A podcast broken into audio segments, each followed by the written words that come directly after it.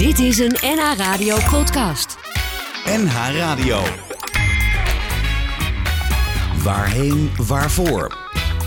Koop Geersing. Er waren momenten dat je zou willen dat je geen kanker had.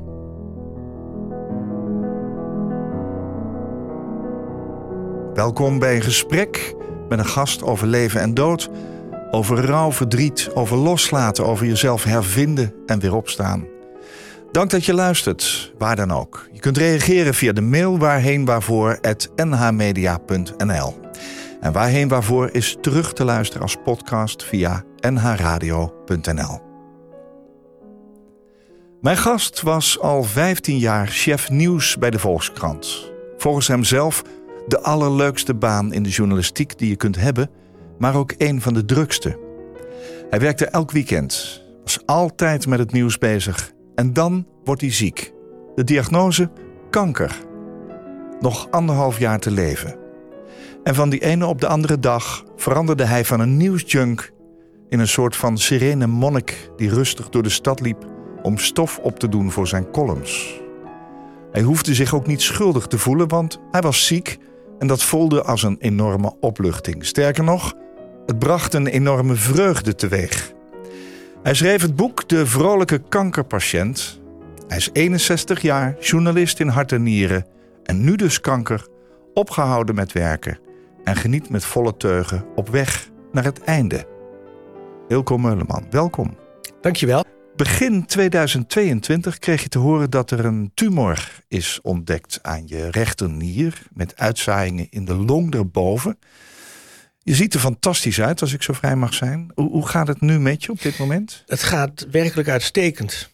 Het, ik, voel me, ik voel me prima, ik heb geen pijn. Ehm, het, het heeft voor een deel te maken met een soort wonderpil die ik slik. Oh. Sinds ik een paar weken geleden wel heel erg ziek ben geweest. Heel erg misselijk, uitgeput. eh, geen energie, ik wilde niks. Toen ben ik naar de huisarts gegaan.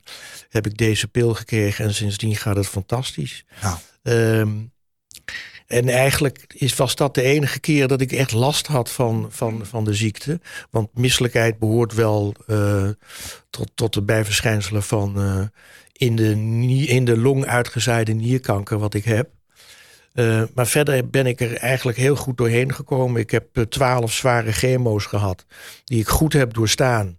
Waar ik wel een blijvende bijverschijnselen van ondervind. welke Maar die- bijvoorbeeld? Nou, de zenuwpijn in je handen en je voeten. eh, de doofheid. Ik, ben, ik was al bijna doof aan mijn rechteroor. Dat is eigenlijk alleen maar erger geworden.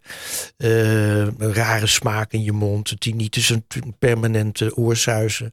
Dus dat be- best veel bij elkaar. Maar nog wel mee, mee om te gaan. Het is allemaal niet, eh, het is allemaal niet verschrikkelijk. Ja, ik kan me herinneren toen wij voor het eerst even samen contact hadden. Dat is alweer eh, een week of zes geleden of zo, denk ik. Ja. Toen zei je ook van, nou bel me niet nu, want eh, ik voel me helemaal niet goed. Morgen is beter. Gaat het zo op en neer? Nou ja, dat was. De, de, de- ik zat toen eigenlijk wel drie weken lang. was ik heel erg ziek. Ben ik echt mis. En dat, het, ja, misselijk, dat klinkt eigenlijk niet zo erg. Maar het is een soort overweldigende misselijkheid. Die je ook tijdens chemokuren wel kan overvallen. Waardoor je eigenlijk helemaal geen zin meer hebt in wat dan ook. Ik, ik, ik wilde de krant niet eens lezen. Nee. Nou, wat voor mij heel raar is. Je lag maar in bed, je hebt geen energie. Eh, je gesprekken gaan lastig. Eh, het is echt, echt een, een, een- hele nare ja, ziekte. En het, Ja. het, het, is ook, het hoort ook bij kanker. Het, is, het komt niet zo vaak voor. Maar in mijn geval dus wel. En het gekke is dan toen ik die pil slikte, was het binnen een half uur helemaal afgelopen. Nou ja, En sindsdien, dat is ook weer een paar weken geleden, eh, voel ik helemaal niks meer. En ik slik maar een heel klein stukje van die pil steeds minder. Dus ik denk dat ik straks zonder medicijnen gewoon vrolijk verder ga. hoe is het mogelijk? En ja, dat is het rare van kanker. Je voelt er hele lange tijd niks van. Nou, ik dacht, je zal wel, als je hier zo vroeg bent in de studio, eh, back af zijn en zo. Maar Nee, je maakt niet de indruk. nee. Ik ben, eh, door, die, door die pil krijg je een, een enorme energie. Ja. Dus je slaapt ook wat onrustig. Dus ik neem Ja. een slaappilletje. En dan slaap ik een paar uur. En dan word ik wakker. En dan slaap ik weer een paar uur. En dan word ik vrolijk wakker, heel vroeg. Ik ben elke ochtend sowieso om vijf uur wakker. Ja. Je, zegt, eh, je noemt het woord vrolijk. Hè? Je- Ja. Jouw boek heet ook Het leven van een vrolijke kankerpatiënt. Ehm, dat is toch een, een gek woord als je ja, te horen krijgt, je hebt niet zo lang meer te leven. Je bent 61. Ja. Zou je zeggen, goh, altijd druk geweest en heel op weg naar misschien wel een hele mooie periode waar je wat meer rust pakt. Waar Ja. je nog eh, het, het, het leven zeg maar eh, omarmt. Ja. En toch zeg je, ja, ik heb dat als een enorme opluchting ervaren. Ja, dat kwam is. vandaan dan? Nou, dat, dat, ik was daar zelf eerlijk gezegd ook wel een beetje verbaasd over. Het was een gedachte die mij overkwam. Ik hoorde, kijk, in eerste instantie schrik je natuurlijk als je te horen eh, krijgt. Nou, dit is heel slecht nieuws, Ja. want u bent ongeneeslijk ziek. Je had eerst klachten, zullen we maar zeggen. Nee, ik had helemaal geen klachten. Ik had wel, ja, ik had urineklachten, een, ja, een beetje oude mannenkwaal.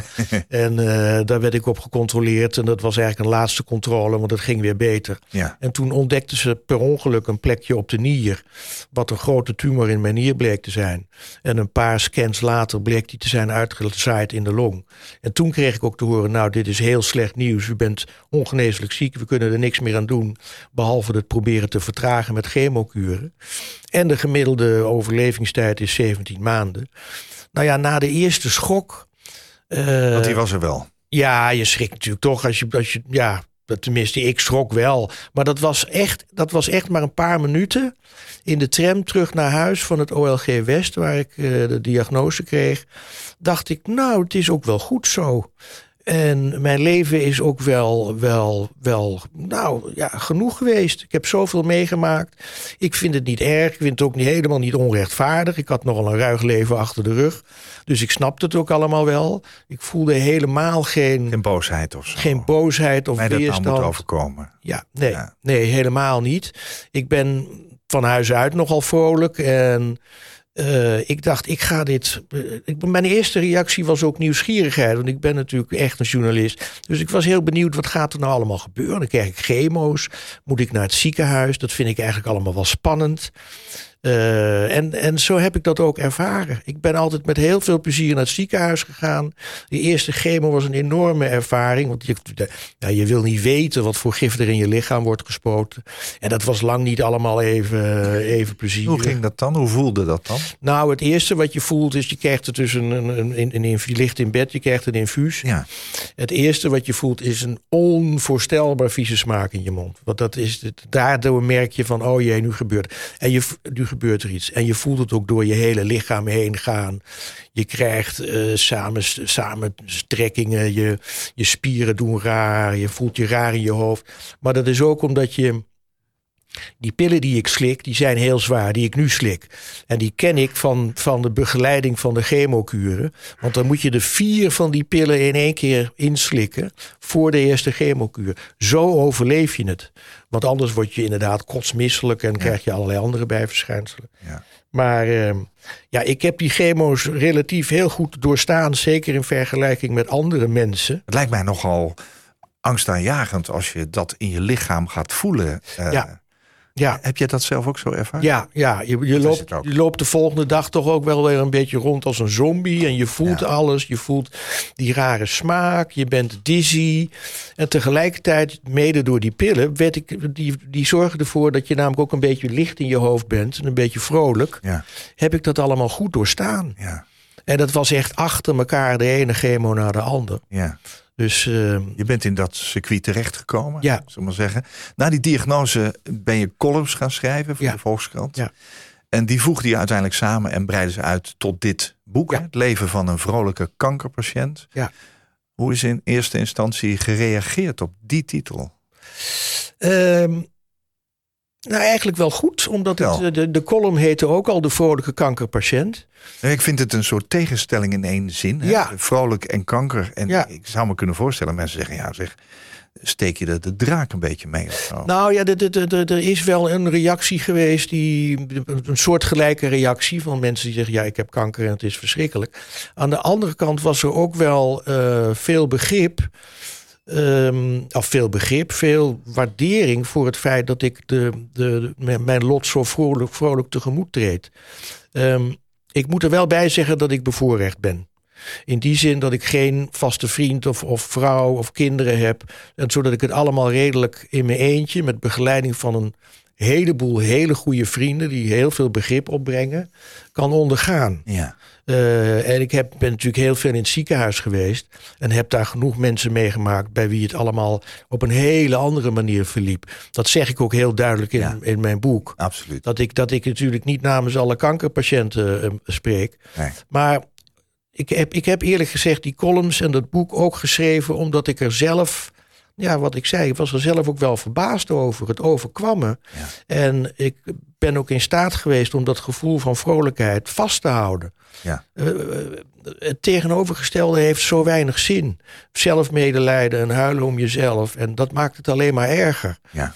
Eh, ik accepteer mijn lot. Ik, ik, ik, ik accepteer dat ik nog. Ja, de laatste diagnose is maanden te gaan heb. Ik ga er te gaan heb. Ik ga ervan uit dat het nog wel een jaar duurt. En ja, wat er precies gebeurt als de dood echt naderbij komt, weet ik natuurlijk niet. Ik probeer daar zo min mogelijk aan te denken. Tegelijkertijd ben ik er praktisch mee bezig, want ik ben de begrafenis al aan het regelen. Ehm, maar vooralsnog, en dat is ook iets waar je jezelf toe moet dwingen. Ik ben gestopt met werken, want dat ging niet meer, ook na die ziekte. Eh, en dan moet je je dag zelf indelen. En ook om te voorkomen dat je de hele dag aan je dood zit te denken. Dus heel gedisciplineerd sta ik om vijf uur op, om zes uur in de sportschool. Ik lees de kranten heel uitvoerig. Eh, ik ga wandelingen maken. Ik ga naar de bioscoop, naar het theater, veel vrienden zien. Elke dag. En ja, ik doe dus eigenlijk alleen maar leuke dingen. Het is jouw verhaal, hè, ook. Ja, ja, ja. Jij mag het ook zeggen. ja. Ja. Mijn gast in deze aflevering van Waarheen Waarvoor is Ilko Meuleman. Hij kreeg begin 2022 te horen dat er een tumor was ontdekt die bleek te zijn uitgezaaid. En van het een op het andere moment was hij ongeneeslijk ziek. En volgens zijn oncoloog had hij nog precies 17 maanden te leven. Ilko was even twee seconden van de wereld en daarna opgelucht. Gek genoeg. Hij was vrolijk, heel benieuwd naar wat er komen ging en schreef er een boek over. Het leven van een vrolijke kankerpatiënt, uitgegeven bij uitgeverij Prometheus. Ilko, je zei, stel je voor dat ik nog negen jaar leef, heb je ergens gezegd, dan komen al die zorgen die van mijn schouders afvielen weer terug. Waren er zoveel zorgen? Want je zei ook, ja, ik vond eigenlijk mijn, mijn leven wel, ja, ik, ik, je hebt een rock'n'roll leven gehad, zullen we maar zeggen. Vond wel mooi afgerond, maar je bent toch nog maar 61, zullen mensen zeggen. ja, Wat was dat? wa- Waarom wil je dat niet weer terughalen? nou, het is een beetje een, een beetje een merkwaardig verhaal. Toen ik te horen kreeg, nog 17 maanden, vond ik dat heel overzichtelijk. Anderhalf jaar, ja. Ja. Ja, Eh, ik moet eerlijk zeggen dat de oncoloog daarna wel zijn excuses heeft aangeboden. Want die zegt dat had ik nooit zo precies mogen zeggen. Want je weet het helemaal niet. Nee. Maar hij had net een onderzoek gekregen van Oxford. waaruit bleek dat mensen in mijn situatie gemiddeld nog 17 maanden leven. Nou. Later zei hij, nou, de excuses kan ook veel langer zijn. nou, heel eerlijk. Na de eerste chemo's bleek ook dat de tumoren waren geslonken. Dus het zou sowieso ehm, eh, langer zijn. Maar bij die uitslag was ik eigenlijk meer geschokt dan bij de uitslag van 17 maanden. Omdat ik me heel erg had ingesteld op de, op, op, op de rest van mijn leven. Ik viel een- dus eigenlijk tegen dat het goed Ja, leek te ja, gaan. het viel eigenlijk. Stel je voor dat je negen maanden toeleeft naar een, een, een, een zekere dood. Ehm, en je moet ook weten dat ik op een soort tweesprong stond toen ik de diagnose kreeg. Ja. Ik was 60, ik had 15 jaar chef nieuwschap achter de rug. Ik zou dat nog een paar jaar door eh, gaan doen. Ik vroeg mezelf af, haal ik dat wel tot mijn pensioen? Want het is echt een moordende baan. En inderdaad de leukste baan ter wereld. Dus ik had er wel besloten om het te doen. Maar verder zat ik ook ja, een beetje te worstelen met... Ik had net een duur appartement, of niet duur, maar ik had een appartement gekocht. Red ik dat wel na mijn pensioen met de vaste lasten? Hele, hele banale vragen. Eh, en ook hele poëtische vragen. Namelijk, ik ben alleen. Ik heb heel veel vriendjes gehad in mijn leven. Nooit in staat geweest om een vaste relatie te ondergaan.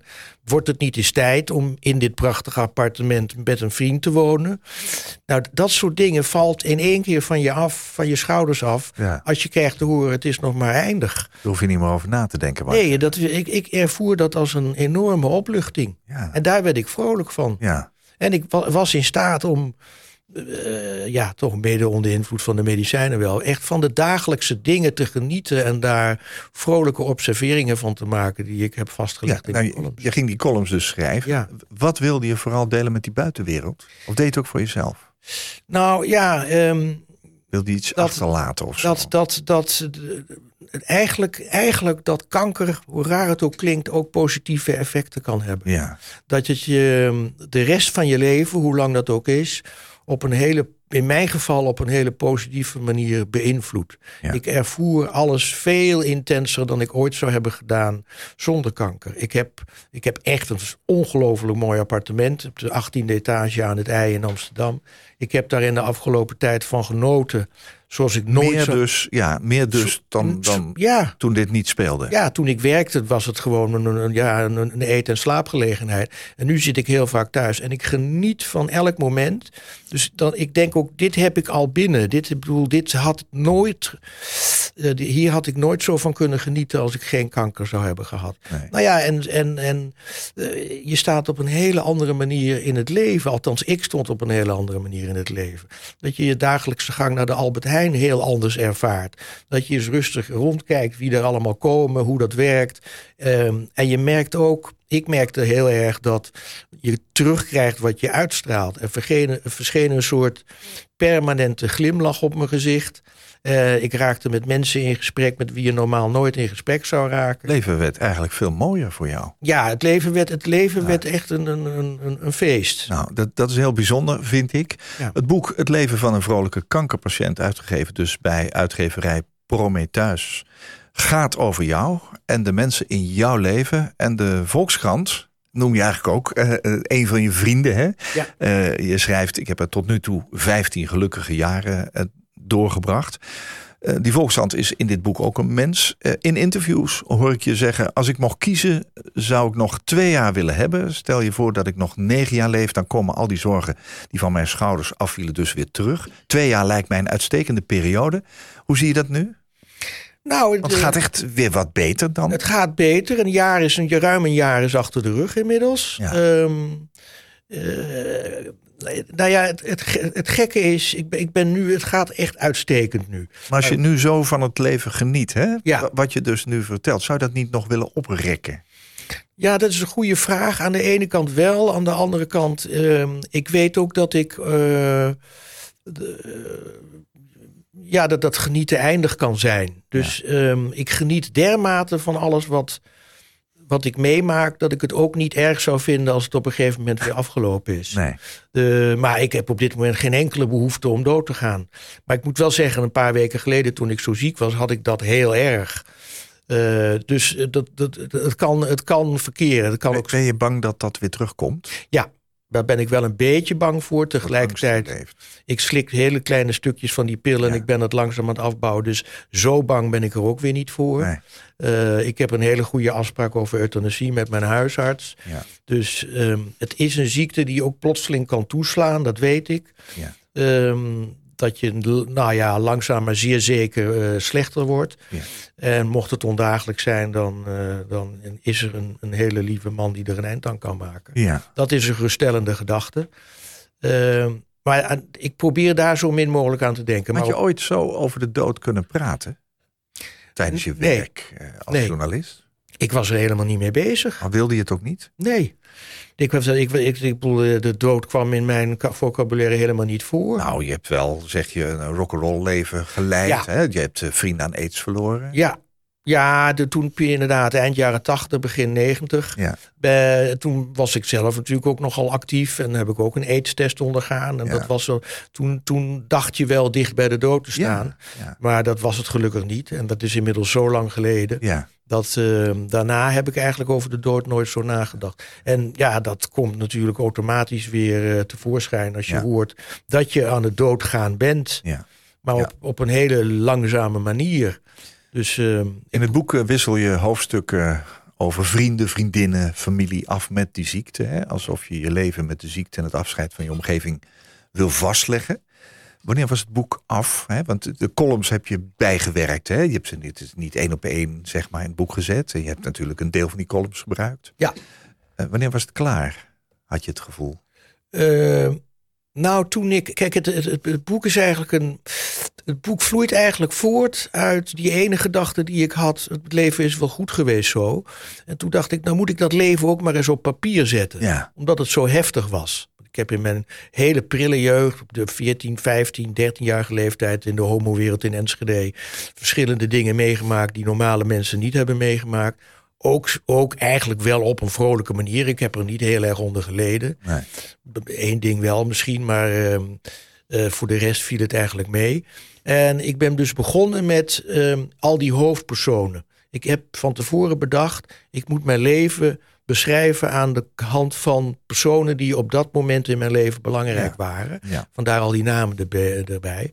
En die columns heb ik later ingevoegd en uitgebreid en, eh, eh, en gemixt. Op, op- eigenlijk op verzoek van de uitgeverij ook.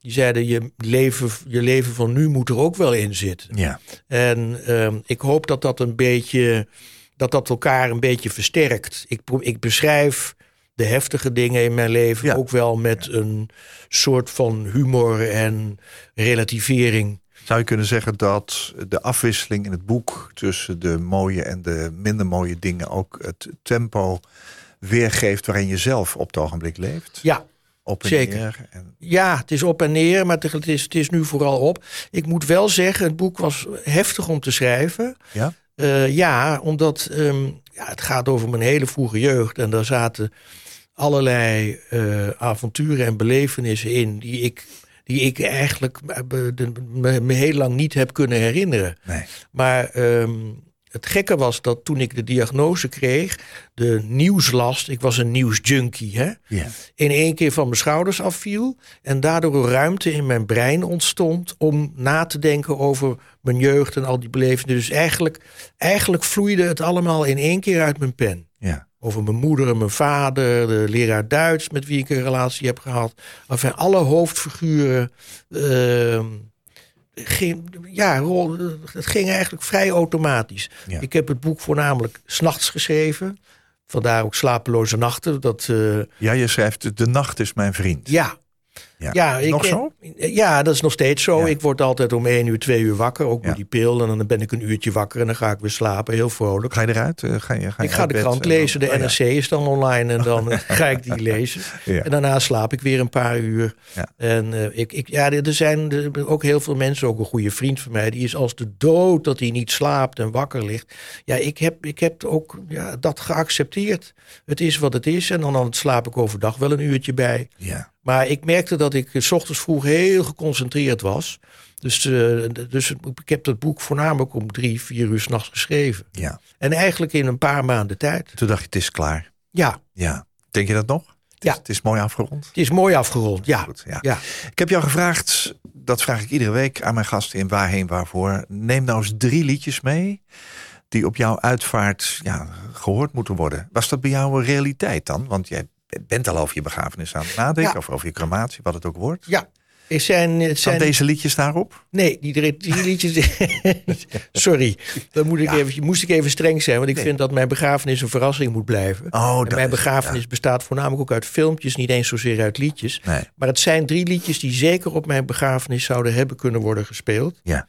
Ehm, zal ik zeggen wat het... Nou, laten we dan eens met het eerste liedje wat op jouw lijstje staat Ja. eh, beginnen. Praying for Time. Ja, George Michael. George Michael. Ik ben een ongelofelijke fan van George Michael. Dat is echt een van de mooiste stemmen met een van de beste orkesten Zijn altijd. biografie. Ja, ja, ja, die heb ik nog niet gelezen, maar ik heb hem. En het was natuurlijk een tragische figuur die heel verongelijkt was en op een, op een ja, hele nare manier aan zijn eind is gekomen. En tegelijkertijd was het een onvoorstelbaar goede artiest met eh, een prachtige stem en hele goede teksten. Onder andere Praying for Time, wat een beetje een, een dystopisch, nou ja, eh, dystopische tekst is. Het, is. het is ook wel een tekst die op deze tijd slaat, waarin eh, het verschil tussen rijk en arm weer, eh, weer groter wordt. Eh, hij heeft het eigenlijk over de onrechtvaardigheid van de wereld en, nou ja, en, en over een God die er niks aan doet. Dus vrij, eh, niet, niet opwekkend, maar een prachtig nummer vind ik.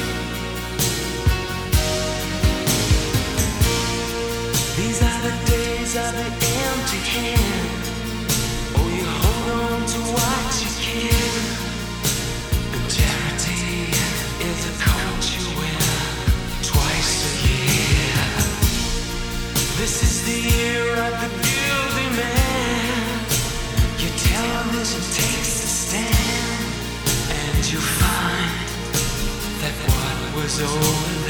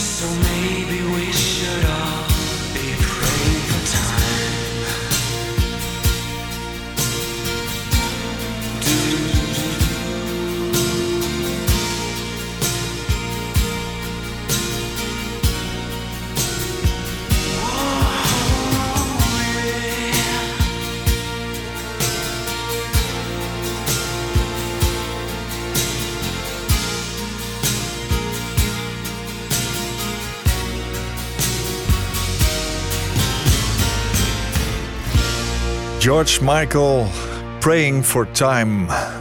Bidden om meer tijd, hè, zou je bijna kunnen zeggen. Het is een beetje dubbel. Uh, ik schiet er ook van in de lach. Jij, jij kijkt ook heel vrolijk en je maakt een uh, hele goede...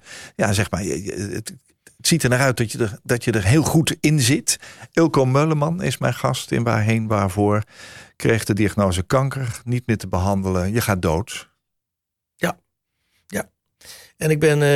Uh nou, praying for time is te veel gezegd, maar ik vind het, het gaat, gaat wel lekker zo. Dus ik zou het niet erg vinden als het nog een tijdje. Nee, dat vind ik ook heel eerlijk van je. Um, je zegt de vaak onderschatte George Michael, hè, die een prachtige stem combineert met uh, ja, hele mooie teksten, muzikale begeleiding. Dit is uit uh, augustus 1990. Dat is ook wel een beetje de tijd die je net beschreef hè, van, van AIDS en, en dat soort dingen. Hij zat daar natuurlijk ook uh, middenin, dus ik snap deze keus heel erg goed. Je hebt nog twee liedjes, gaan we het zo meteen over hebben. Ik heb het al gezegd, je hebt het ook al gezegd. Het is ook wel goed zo, zeg je. Uh, hoe reageert jouw directe omgeving daarop? Jouw broer bijvoorbeeld zei, en wij dan? Ja, ja dat, uh, dat, is, dat heeft mij wel aan het denken gezet. Ik was eigenlijk zo bezig met mezelf. Ja. Dat je nou, als je kanker krijgt, dan gebeurt dat kennelijk vanzelf. En zo, zo overtuigd van het feit dat mijn leven wel goed geweest was. Dat ik vergat dat dat nou ja, hard over kan komen op al je vrienden. Ik heb gelukkig een hele hechte club vrienden en familieleden om me heen. Onder wie mijn broer en mijn neefje. Die daar nogal van schrokken. Want ja, mijn leven is wel goed geweest. Betekent ook, nou, uh, uh, wij zijn er dan niet meer voor je. Ja. En ehm, zijn eerste reactie was inderdaad, ja, en wij dan.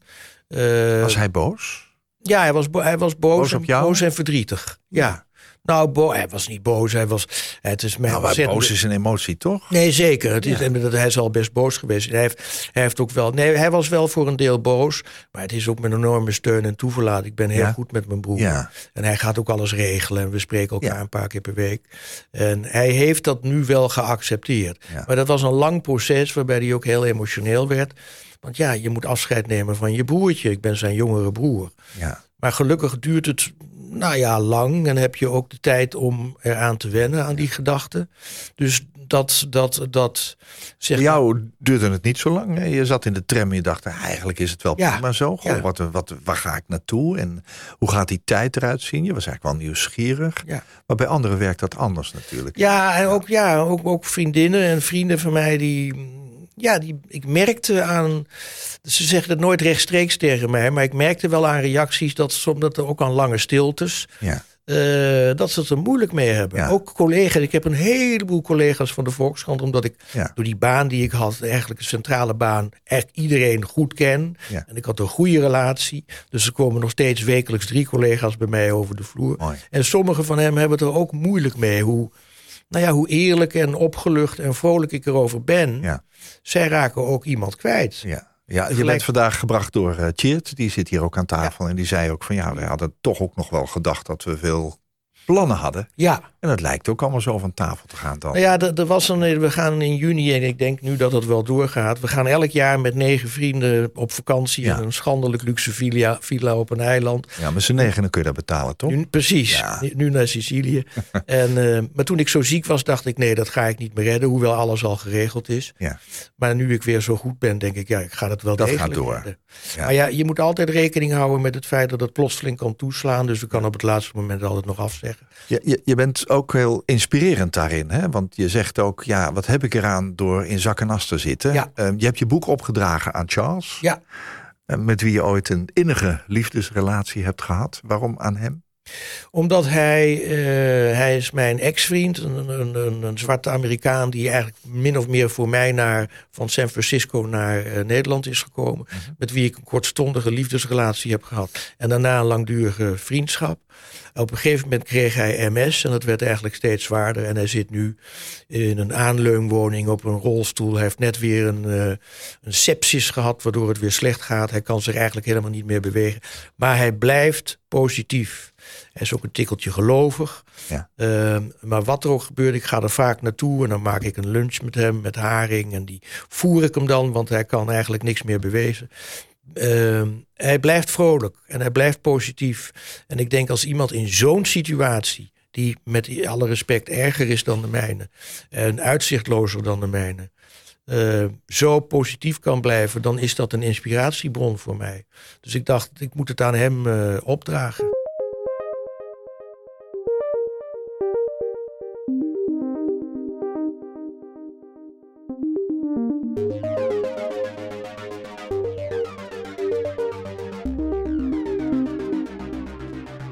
Wakker in mijn bed, mijn hoofd vol met gedachten. De tijd ik langzaam door, slapeloze nachten. In de zon breekt langzaam door, mijn ogen reeds gesloten. Bedenken als ik slaap, ben ik even weg van al mijn dromen. Maar ik heb slapeloze nachten, ligt te staren in het duister. Met de eindeloze droom, geen reden om ogen nog te sluiten. Want ik kan mijn toekomst vinden in mijn fantasie.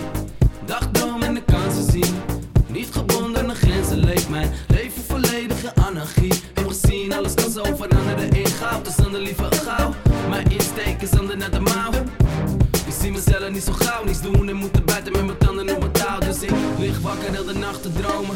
Zonder spanning over wat gaat komen. Morgen beginnen we de dag weer vrolijk. Zie de zon opkomen. Lig wakker in mijn bed. Mijn hoofd vol met gedachten. De tijd ik langzaam door. Slapeloze nachten. In de zon breekt langzaam door. Mijn ogen reeds gesloten. Bedenken als ik slaap. Ben ik even weg van al mijn dromen. Ik heb slapeloze nachten. Yeah, en ik wil back to the future. De vloer brandde de plek van mijn voeten. Ik rijd straks de stad licht te snurken. Blikken voor ijzer in de stad vol mijn schurken. Zoon in mijn eentje, mijn visie is zuiver. Zweet in mijn bed, ik wil liever naar buiten. Mijn gedachten op een masterplan. En ik dans met de duivel, dan geeft aan hoe ver ik ben. Ogen volgen mij, net alsof ik in een film zit. Vingers de kiebelen, ze duiken, we stil zit. Klaar voor de actie, adrenaline kicks Net alsof je aan de heroïne zit. De klok tikt door, tijd om te slapen. Dan blijf ik maar gapen, de zon breekt door. Achtervolgt op mijn toekomst, zo'n drang naar morgen. Daarom ik Lig wakker in mijn bed, mijn hoofd vol met gedachten. De tijd ik langzaam door, slapeloze nachten. In de zon breekt langzaam door, mijn ogen reeds gesloten. Bedenken als ik slaap, ben ik even weg van al mijn dromen. Maar ik heb slapeloze nachten,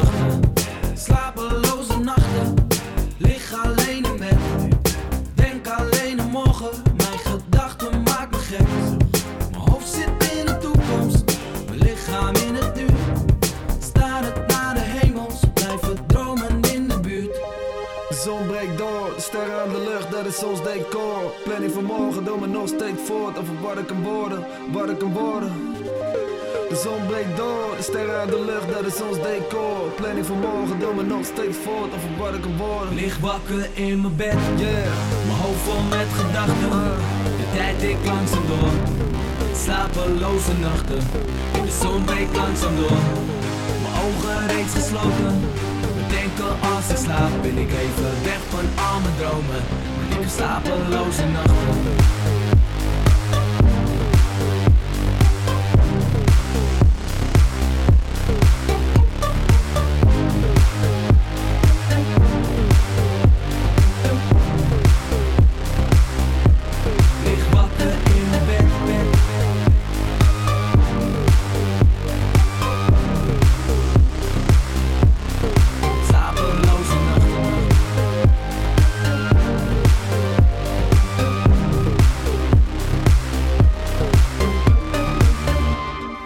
Opposites waren dat met slapeloze nachten.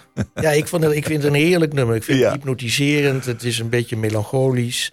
Eh, ik kan het niet echt heel goed onder woorden brengen, maar ik ben er, was er meteen door gegrepen. Ze hebben ook een prachtig clipje. En het slaat ook wel een beetje op mijn eigen slapeloze nacht. Ik heb het vaak gedraaid toen ik, eh, toen ik niet kon slapen. Nee. Nederlands rapduo Willy en Big Two, hè? Willem de. Bruin en Twan van Steenhoven.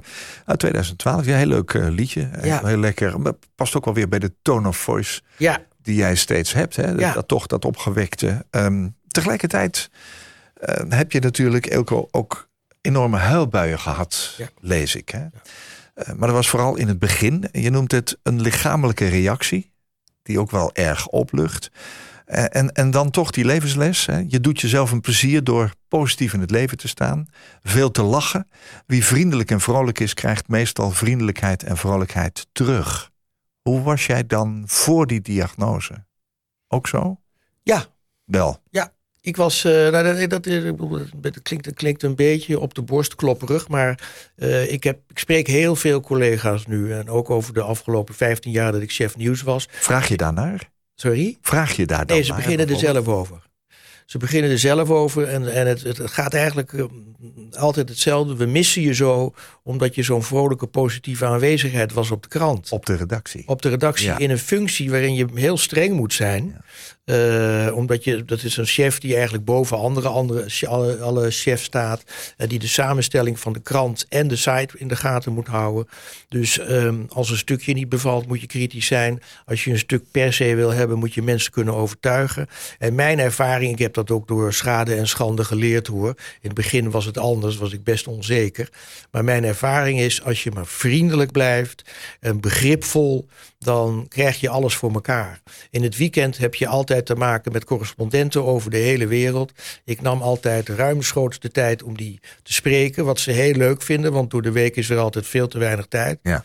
En ook, dat- ja, dat- zijn ook nou, telefonische vrienden geworden, waarbij je heel erg praat over hun privé, privé situaties. Correspondenten zijn per definitie altijd eenzaam.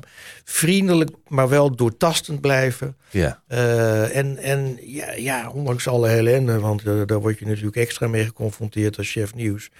Toch een soort van positivisme uitstralen. Dat missen ze dus nu Ja, dat op, de, op de redactie. ze wel een beetje. Ze zoeken je nu op, hè? En, en, Ja. en nou, je, je hebt eerder in deze uitzending laten weten dat je eigenlijk blij bent dat je geen gezin achter hoeft te laten, hè? geen vaste partner. Ehm, familie en vrienden vinden dat al moeilijk genoeg.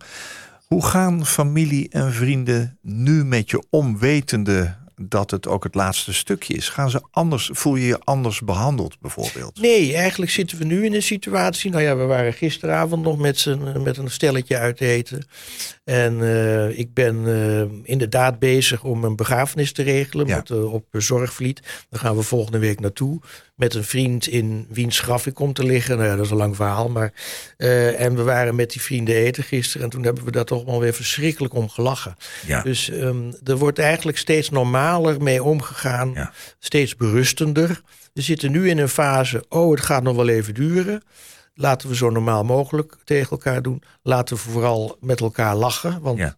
De, ja, dat is, humor, humor, is, eh, humor is in mijn leven ook altijd wel een hele ro- rode draad geweest. Ja. Dat geldt ook voor de krant. Laughter is the shortest distance between two people. Dat, dat ga ik ook boven mijn advertenties zijn. Dat is van, de, van de vrolijke pianist. Mooi op een grafsteen ook misschien. Ja, nou ja, ik kom bij een graf, grafsteen op van iemand die er al in ligt. Dus er komt alleen maar mijn naam. Je komt erbij. Ja, kom erbij. Ja, ja. Ik wel een Het, gezellig... het bijzonder hoor dat je er zo over praat. Hè. De dood is vaak een taboe. Vandaar ook dit programma. Het is fijn dat we het er zo over kunnen hebben. Ik vind het ook wel mooi om te horen eh, dat mensen je dus gewoon blijven behandelen. Dus iemand kan ook tegen je zeggen, nou hou eens op joh. Ondanks het feit dat ze weten dat ze misschien voorzichtig met je willen zijn. Ja, nee, ik, nee ook, ook dat is een kwestie denk ik van wat je uitstraalt. Ja, Sorry. ja, Ehm, ik, ik, ik merk dat, dat ook, ook collega's en vrienden eh, normaal weer tegen me blijven doen. nou dat is wel Eh, stiekem merk ik wel dat ze toch een stukje aardiger en eh, betrokkener zijn dan voor de diagnose. Ja. En dat vind ik alleen maar leuk om te zien. Ik zie, ik zie mijn vrienden ook veel vaker. Ja. Ik zag ze heel lang heel weinig. Sterker nog, sommigen sommigen maar één keer per jaar. Omdat ik elk weekend werkte. Eigenlijk 24 uur per dag. Je kunt dingen inhalen nu dus. En ik ben dingen echt aan het inhalen. Want de etentjes waren altijd in het weekend en dan kon ik nooit. En eh, ik word nu echt een paar keer per week uitgenodigd. En Mooi. de oude, dat is een vriendenclub die, van wie ik de meeste al 40 jaar ken. Ja. En die nu weer heel hecht is geworden. En dat, dat, is, dat is een ontzettende eh, aanwinst weer. Je bent gelukkig. Ja, ik ben echt gelukkig. Ja, Ja. Ja. We gaan naar het derde nummer op jouw lijst. Dat is een lange. ja, Udo Jurgens. ja. Waarom? Ja, dat is merkwaardig. Ik denk, ik moet even diverse kanten van mezelf laten zien. En ik heb een, eh, een geheime passie voor, eh, nou ja, niet zozeer voor slagers, vooral voor dit nummer van Udo Jurkens. Omdat het, het- ik vind het gewoon een heel mooi nummer. Het is ook in het Nederlands opgenomen door Erik Bekers, een goede vriend van mij onder, onder andere. En ehm, het is vooral wat ik zo leuk vind, hij spreekt prachtig Duits. En dat Duits is een hele zakelijke taal. En dit is tegelijkertijd een heel romantisch liedje. En dat die spanning die erin zit, die vind ik Jij komt uit Enschede, daar ligt Ja. bij Duitsland. Ja, ja, Duits, ja. Dat is jou met de paplepel ingegoten. zeker. Je hebt een paar jaar in Berlijn gewoond. Ja, dus ik kan heel goed Duits. Ja, hij is Oostenrijker, hè? Ja, dat weet ik. Ja. Maar hij spreekt goed Duits. Hij spreekt hoog Duits ondertussen. Ich weiß, was ich will. Dein Haar weht im Wind, von meinem Fenster aus, da seh ich dich gehen. Du winkst herauf und bleibst sekundenlang stehen. Ich denk, wie schön war es doch eben noch hier mit dir. Ich weiß, was ich will. Ich will dich fühlen, wenn der Morgen erwacht. Mit dir den Tag verbringen bis in die Nacht. Und glaube, nirgends ist ein Ende in Sicht. Nein, für uns nicht. Ich weiß, was ich will. Ich will die Leidenschaft, mit der du mich liebst. Die sanfte Zärtlichkeit, wie du sie mir gibst. Die Illusion, du lebst allein nur für mich. Die brauche ich. Ich weiß, was ich will. Ich will, dass endlich etwas Neues beginnt dass wir wie ein Gedanke, ein Körper sind. Das ist mein Ziel. Sag mir nur eins, will ich zu viel? Ich weiß, was ich will. Dir alles zeigen, was ich jemals gesehen. Was du auch immer tust, verzeihen und verstehen. Was ich noch nie vorher im Leben getan, fang ich jetzt an.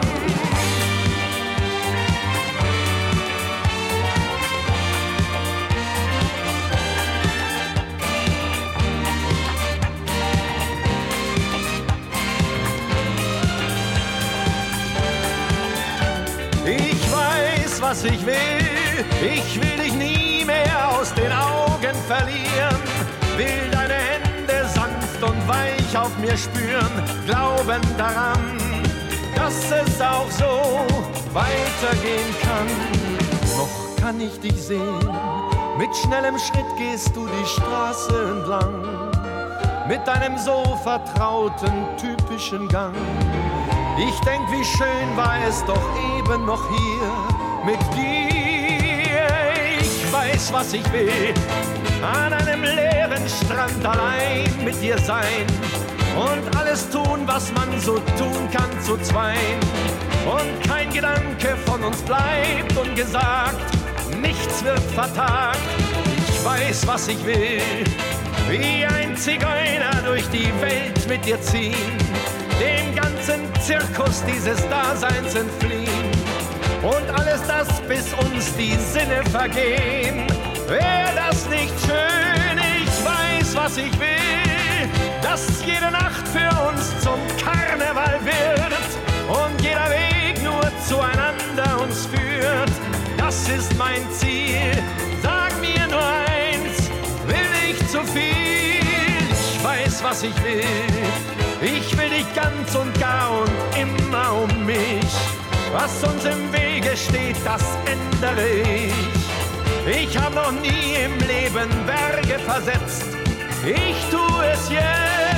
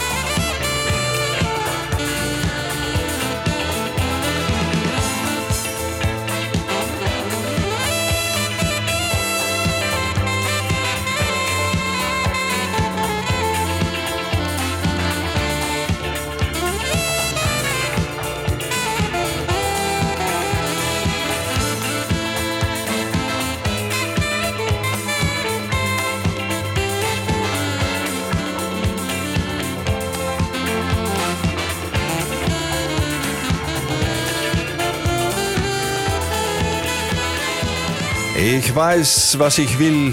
Udo Jurgens, gezongen gevoelens na een afscheid. En eh, ik heb het al gezegd, het is een Oostenrijkse zanger, maar hij zingt... Ik, nou ga ik op de Duits letten, Ilko.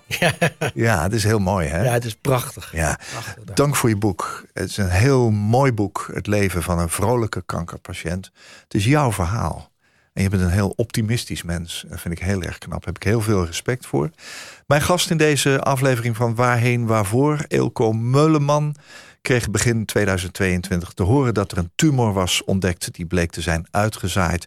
En van het ene op het andere moment was hij ongeneeslijk ziek. En volgens zijn oncoloog had hij nog precies 17 maanden te leven. We gaan het zien, hè? Ilko was opgelucht en gek genoeg vrolijk. Heel benieuwd naar wat er komen ging. Hij schreef dit boek dan, Het leven van een vrolijke kankerpatiënt, uitgegeven bij uitgeverij Prometheus. Ilko, dank voor je columns. En dank voor je boek. Ik heb het echt ja, verslonden. Hoe erg de boodschap ook is. Ik wens je een goede reis. Dankjewel en heel graag gedaan. Koop Geersing. Als jij een keer te gast wilt zijn in Waarheen Waarvoor om te vertellen over jouw levensreis, laat me dat dan weten via waarheenwaarvoor.nhmedia.nl. Waarheenwaarvoor.nhmedia.nl. Dit was een NH Radio podcast. Voor meer, ga naar nhradio.nl. Radio.